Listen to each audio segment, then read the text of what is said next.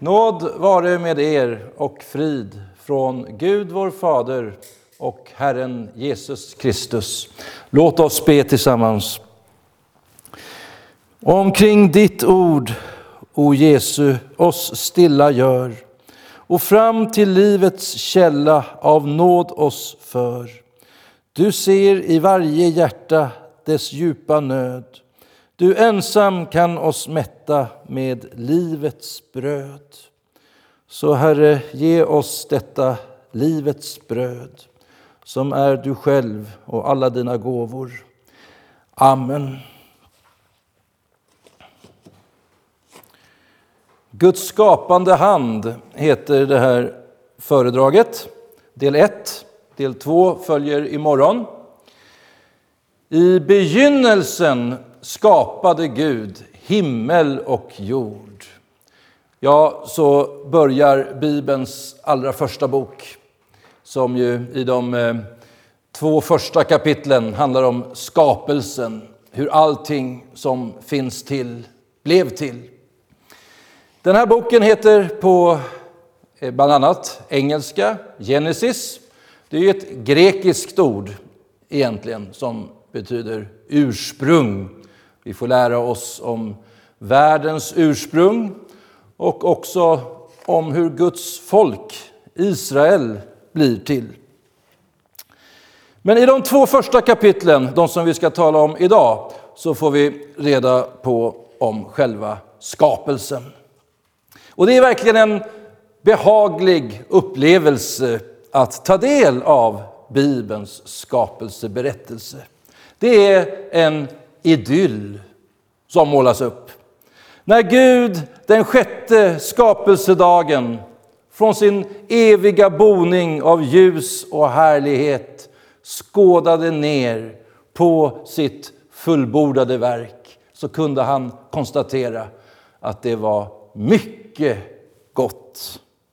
Ljus och mörker, vattnet under valvet och vattnet över valvet, land och hav, eh, grönskan och fruktträden, de två stora ljusen, solen och månen, havsdjuren och fåglarna, boskapsdjuren, kräldjuren och de vilda djuren. Allt var i fullkomlig harmoni. Ingen förgängelse eller död. Inga sjukdomar eller defekter fanns. Och som skapelsens krona, det allra finaste, så hade han gjort människan. Det var på den sjätte dagen och hon som ensam i hela skapelsen hade gjorts till Guds avbild. Till att vara honom lik. Människan var verkligen fullkomligt god och helig, rättfärdig och oskuldsfull när det gällde synden. Och hon levde i en direkt, obruten gemenskap med Gud. Och så sattes hon till att råda över allt sammans i Guds skapelse.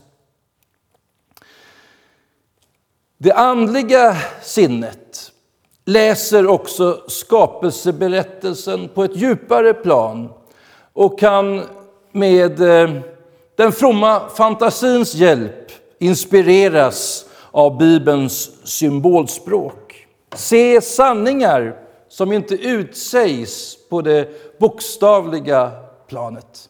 Jag menar inte nu att vi ska vara svärmare och läsa in allt möjligt i skapelseberättelsen, utan bara sådana saker som vi annars klart kan belägga på andra håll i Bibeln. Så kan till exempel de två stora ljusen på himlavalvet beteckna Kristus och kyrkan. För Kristus han är ju rättfärdighetens sol som går upp med läkedom under sina vingar. Han är livets centrum för den kristne. Kyrkan är de heliga, de som tror på Kristus. De äger ingen egen självständig helighet, utan är iklädda Kristi rättfärdighet som de liksom lånar från honom. Precis som månen inte är någon självständig ljuskälla utan får sitt ljus från solen som de bara reflekterar. Vidare kan man till exempel begrunda den flod som vattnade lustgården. Gud lät den flyta ut ur Eden och dela sig i fyra grenar. Strömmar av vatten rann ut och bevattnade marken. Och i nyskapelsen av våra hjärtan så låter Gud också strömmar, eller floder som det egentligen bättre borde översättas, potamoi på grekiska, floder av levande vatten flyta fram.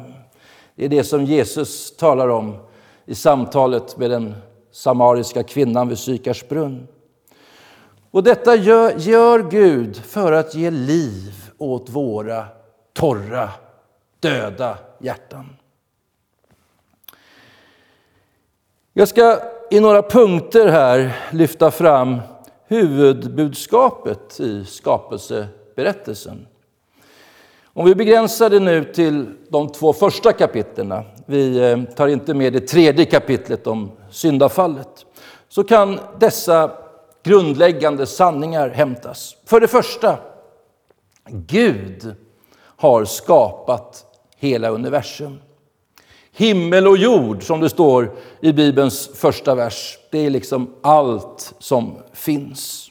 Och han har skapat detta genom suveräna, aktiva handlingar.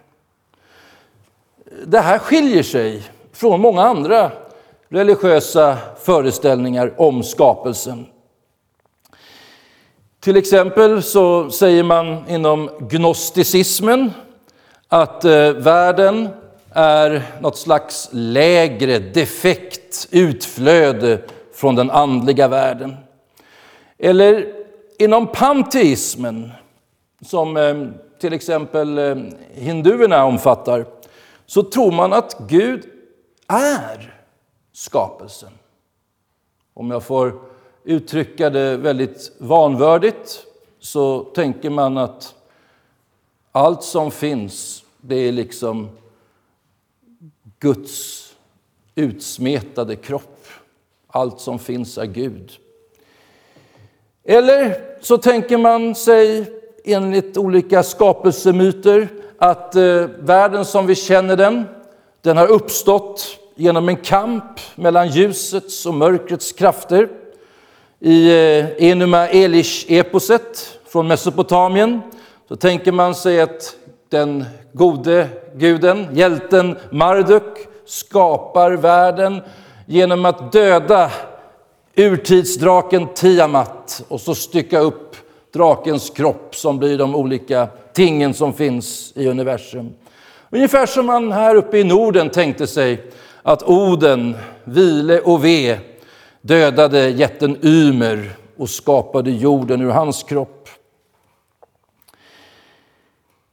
När vi läser skapelseberättelsen så kan vi notera att det hebreiska verb som där används, bara, det är ett verb som bara används när Gud är subjektet.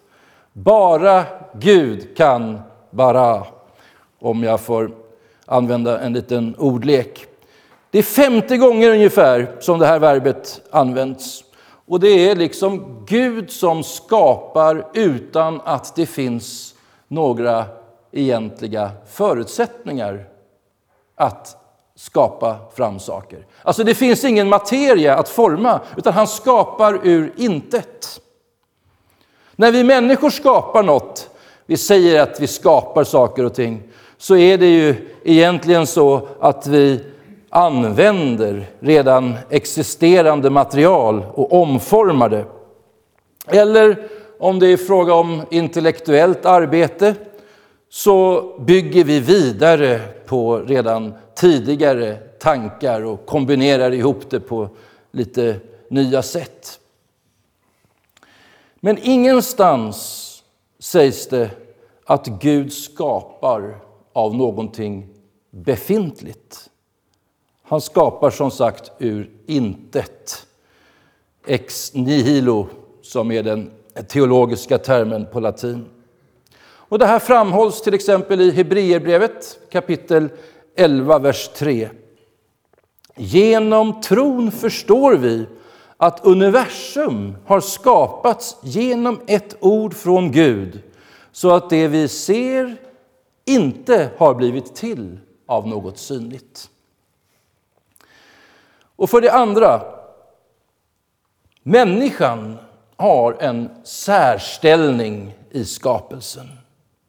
Hon är som sagt den enda varelse om vilken det sägs att hon är skapad till Guds avbild. Hon är satt till att råda över havets fiskar och himlens fåglar, över boskapsdjuren och hela jorden och alla kräldjur som rör sig på marken. Och det här skänker människan ett unikt och absolut värde. Man har sitt människovärde genom att vara, inte genom att göra eller prestera någonting. Med andra ord så är människovärdet inte beroende av våra mer eller mindre framgångsrika insatser. Den bibliska människosynen skiljer sig därmed från eh, olika former av rasism där man tilldelar vissa människogrupper, raser eller etniciteter högre värde än andra. Och den bibliska människosynen skiljer sig också från ekosofin, veganismen och andra filosofier som likställer människans och djurens värde eller relativiserar skillnaden mellan dem. För det tredje, att skapelsen är i grunden god. I eh, vers 31 av Bibelns första kapitel där läser vi Gud såg på allt som han hade gjort och se, det var mycket gott. Skapelsen är alltså ett verk av Gud som är gott. Och det är till och med så att skapelsen är tillkommen för att tjäna människan, för att tjäna oss så anges solens, månens och stjärnornas funktion vara att för människan skilja dagen från natten och märka ut högtider, dagar och år. Det är människan som är skapelsens centrum och utgångspunkt. Den bibliska synen på skapelsens värde skiljer sig därmed från till exempel en gnostisk syn där skapelsen, den materiella världen, är ond och bara det andliga anses vara gott. Om ni inte hört talas om gnosticism tidigare så var det en religionsform som plågade den tidiga kyrkan med falsk lära. Man eh, eh menade att eh, den gode guden, Jesu fader, har inte skapat världen, utan det har en ond gud som man kallade demiurgen gjort. Och eh, man trodde inte heller att Kristus var Gud som har, Guds son som har kommit i köttet. Hur skulle Gud som är god kunna förena sig med någonting ont som är materiellt, en människokropp? Man förnekade alltså inkarnationen. Och det är därför som Johannes skriver i sitt första brev att den är antikrist som förnekar att Kristus är kommen i köttet. Men den kristna synen på skapelsen skiljer sig också från Platons syn. Platonismen menar ju att eh, det materiella det är av lägre värde och bara idévärlden är sann, skön och god.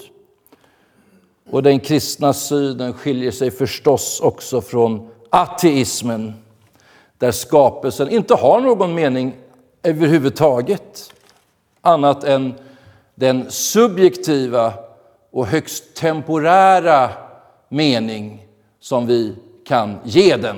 Men när vi dör så har ju inte våra värderingar någon betydelse längre, för ingenting av oss lever ju vidare efter vår död.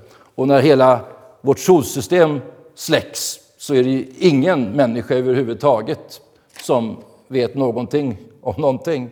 Och till sist så ska väl hela universum kollapsa och då är allt utplånat enligt ateismen. Sen det sista är, ja, reflektera över detta bara en stund. Eh, det här som jag har sagt om hur människan enligt kristendomen är skapelsens centrum. Vilket högt värde det ger oss. Vilken höghet det innebär att vara just människa. Jämför det med ateismens syn, att vi bara rent slumpvis har uppstått ur en blind evolutionär process och vi lever på något litet dammkorn i utkanten av universum. Helt meningslöst. Och eh, det sista punkten jag ville ta upp här inledningsvis är att det, skapelsen också sätter igång historien. Skapelsen är startpunkten på en linje som fortskrider allt eftersom historien rullar på. Och historiens höjdpunkt är ju enligt kristet synsätt Jesu ankomst till vår jord. I den kristna kulturkretsen så delar vi ju in världshistorien före och efter denna enastående händelse. Historien har också en slutpunkt som vi varje minut närmar oss. Världshistorien avslutas med Jesu återkomst när han ska döma alla människor. Då skapas också de nya himlarna och den nya jorden där rättfärdighet bor, det vill säga det eviga himmelriket. Vi ska fördjupa oss lite mer kring skapelsens krona, människan som är Guds avbild. Vad menas egentligen med det? Ja, människan är i likhet med Gud personlig. Hon har själ och förnuft. Hon kan reflektera moraliskt, är ansvarig för sina handlingar. Hon kan fundera existentiellt över tillvaron. Det gör inte djuren. En varg eller en åsna eller en myra funderar inte över vad det innebär att vara varg, åsna eller myra. Och människan var också från början, före syndafallet, fullkomligt god och rättfärdig. Det vill säga, hon var utan synd. Allt det här hör med till att vara Guds avbild. Och dessutom så hade Adam och Eva förstånd som inte var förmörkade på grund av synden. Luther säger att Adam var en glänsande filosof. Kristna teolog, teologer har ofta sett ett bevis på Adams höga intelligens och djupa insikt i det faktum att han fick till uppgift att namnge djuren. Första Mosebok kapitel 2, vers 19 och 20. Den här kopplingen kanske verkar märklig tills man kommer ihåg att i Bibeln så är ju en människas eller en orts eller ett tings namn förknippat med människans, ortens eller tingets natur. När en människa till exempel inträder i en ny ställning inför Gud så får man ett nytt namn. För man är inte densamme som man var tidigare. Abram får namnet Abraham och Sarai får heta Sara efter det att förbundet har ingåtts. Och vi har andra exempel också. Eh, Petrus får ju sitt namn eh, också av Jesus som en, en, ett ärenamn. Eh, Jakob blir ju Israel. Ja, men Adam, han kände alltså till varje djurs innersta väsen. Han förstod vad det var för varelser som Gud förde fram inför honom och han kunde ge dem deras rätta namn. Som påpekats så har varje människa genom att vara skapad av Gud till att vara hans avbild ett okränkbart värde.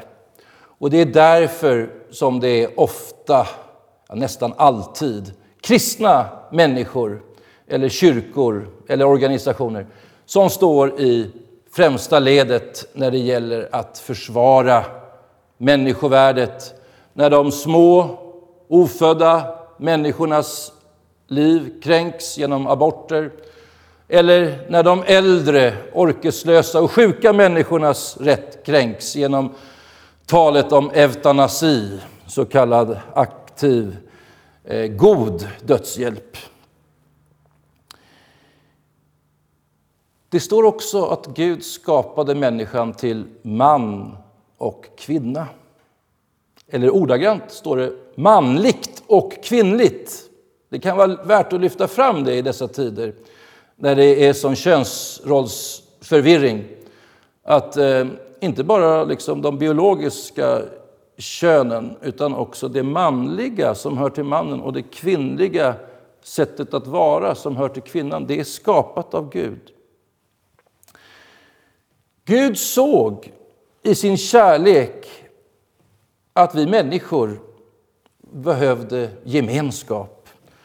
Vi, vi mår inte bra av att leva isolerade och därför så skapade han en kvinna åt Adam, för det var inte gott för mannen att vara ensam. Redan i skapelseordningen så har vi alltså grunden för äktenskapet. Jesus sa Matteus 19, vers 4-6. Har ni inte läst att skaparen från början gjorde dem till man och kvinna och sa Därför ska en man lämna sin far och mor och hålla sig till sin hustru och de två ska bli ett kött. Så är de inte längre två, utan ett kött. Vad Gud har fogat samman får alltså människan inte skilja åt. Också här så finns det mycket att hämta för den kristne som läser skapelseberättelsen. Eh, en av de allra mest använda bilderna för kyrkan det är ju bruden.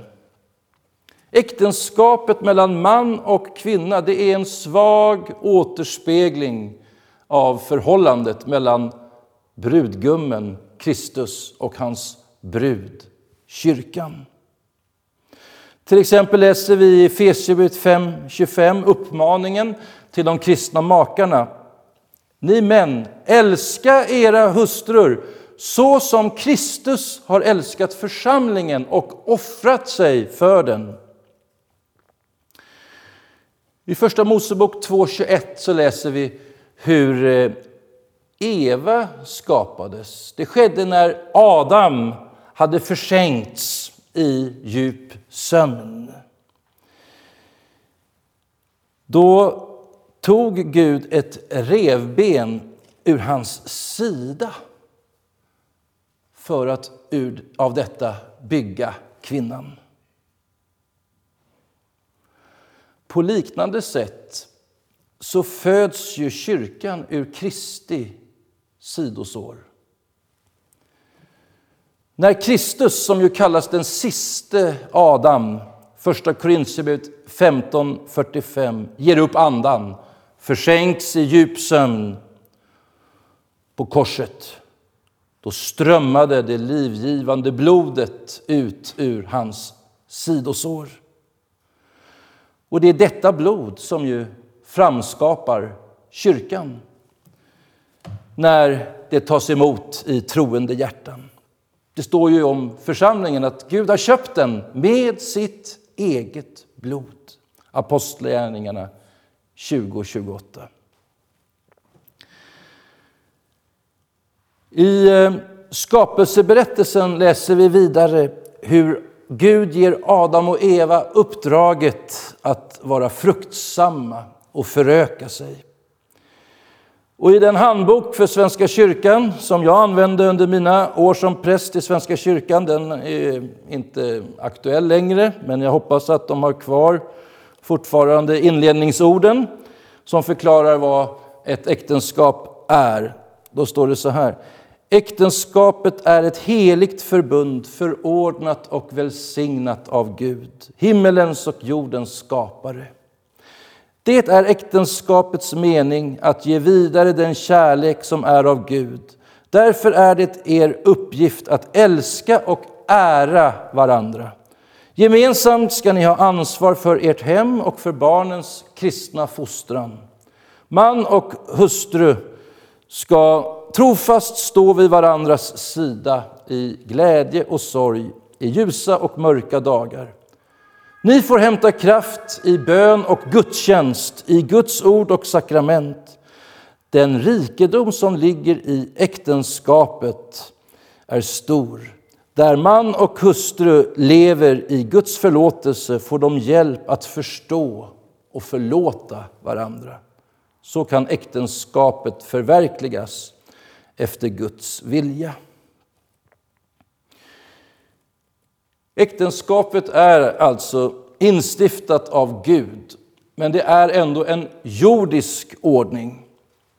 Det är välsignat av Gud, men likväl är det en samhällelig sak som hör den här världen till. Jesus säger ju att i himmelen så ingås inga äktenskap. Men tänk om det moderna samhället insåg vilken lycka och välsignelse som följer med det kristna äktenskapet. Eller med äktenskapet som institution, också för icke-kristna. Då skulle det se helt annorlunda ut på många, eller på alla områden i vårt land. I vissa kyrkor, som till exempel Svenska kyrkan, så har det som ni vet tyvärr på senare tid blivit tillåtet för homosexuella att gifta sig. Ehm, men kyrkor som håller Bibeln högt accepterar naturligtvis inte sådana äktenskap. Och detsamma gäller alla förnuftiga människor som respekterar den naturliga lagen. För om man vecklar ut en plansch över människokroppen i dess två versioner, den manliga och den kvinnliga, så ser man att de är anatomiskt anpassade för varandra. Det är också genom den sexuella föreningen mellan man och kvinna som släktet förs vidare, inte på annat sätt. Skapelsen bär med sig sin egen bruksanvisning. Avslutningsvis här så vill jag också påpeka att hela treenigheten var verksam vid skapelsen. Vi kallar Gud Fadern för skaparen. Så bekänner vi till exempel i den apostoliska trosbekännelsen att vi tror på Gud Fader allsmäktig, himmelens och jordens skapare. Vad vi kanske inte alltid tänker på är att vid varje ny skapelseakt så talar Gud. Gud sade, var det ljus, och det blev ljus. Gud sade, mitt i vattnet ska finnas ett valv som skiljer vatten från vatten, och det blev så. Och så vidare.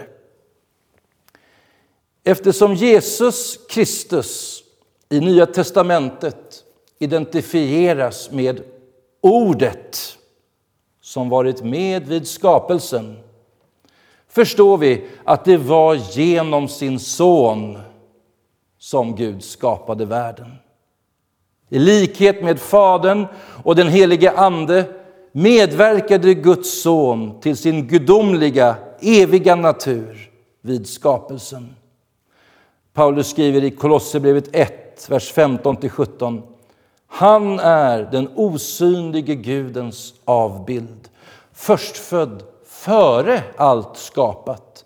För i honom skapades allt i himlen och på jorden, synligt och osynligt, tronfurstar och herradömen, härskare och makter. Allt är skapat genom honom och till honom. Han är till före allt och allt hålls samman genom honom.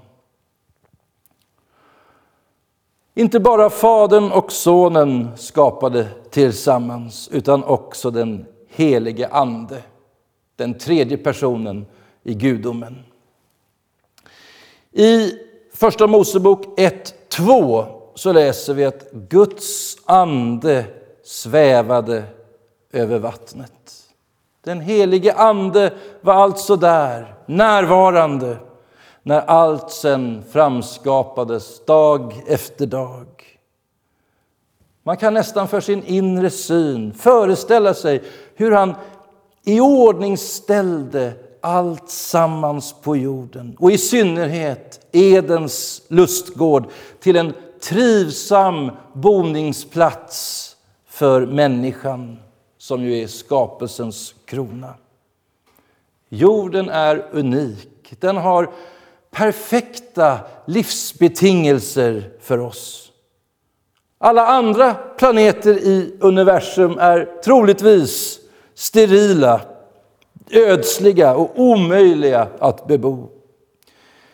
Även om skapelsen var helt annorlunda före syndafallet så kan vi ännu idag förundras över den myckna skönheten som präglar vår natur. Inte minst dagar som de här mitt i sommaren.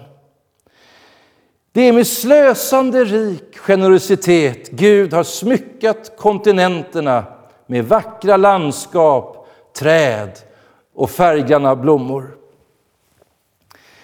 Ett tänkvärt exempel är en bergsklättrare som med stor möda tagit sig upp hela vägen högst upp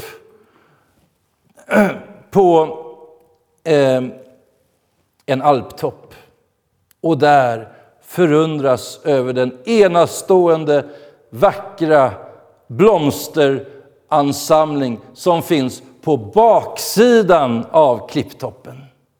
Han är den enda människan på jorden som har tillfälle att se dessa sköna blommor. Och detta bara för en kort stund innan han måste återvända ner. Men Gud har inte sparat på blomsterprakten av den anledningen. Och hur många andra liknande konstverk blir aldrig någonsin upptäckta? Gud är bland så mycket annat också den fullkomlige konstnären.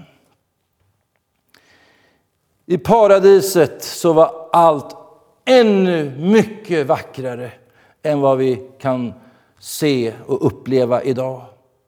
Men en dag, då ska till och med det paradisiska tillståndet överträffas. Det sker när vi blir medborgare av det himmelska Jerusalem. Där blir det fråga om en obeskrivbar skönhet och lycka.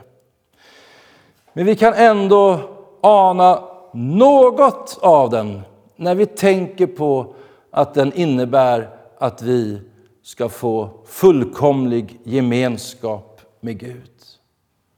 Det blir som ett återställt och övertrumfat Eden. Johannes fick i en syn se hur den himmelska härligheten uppenbarades för honom. Det är det allra sista kapitlet i Bibeln. Och Johannes beskriver det så här, vers 1 till och med 5.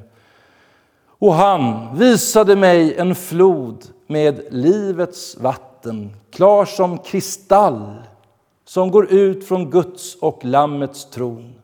Mitt på stadens gata, på båda sidor om floden, står livets träd.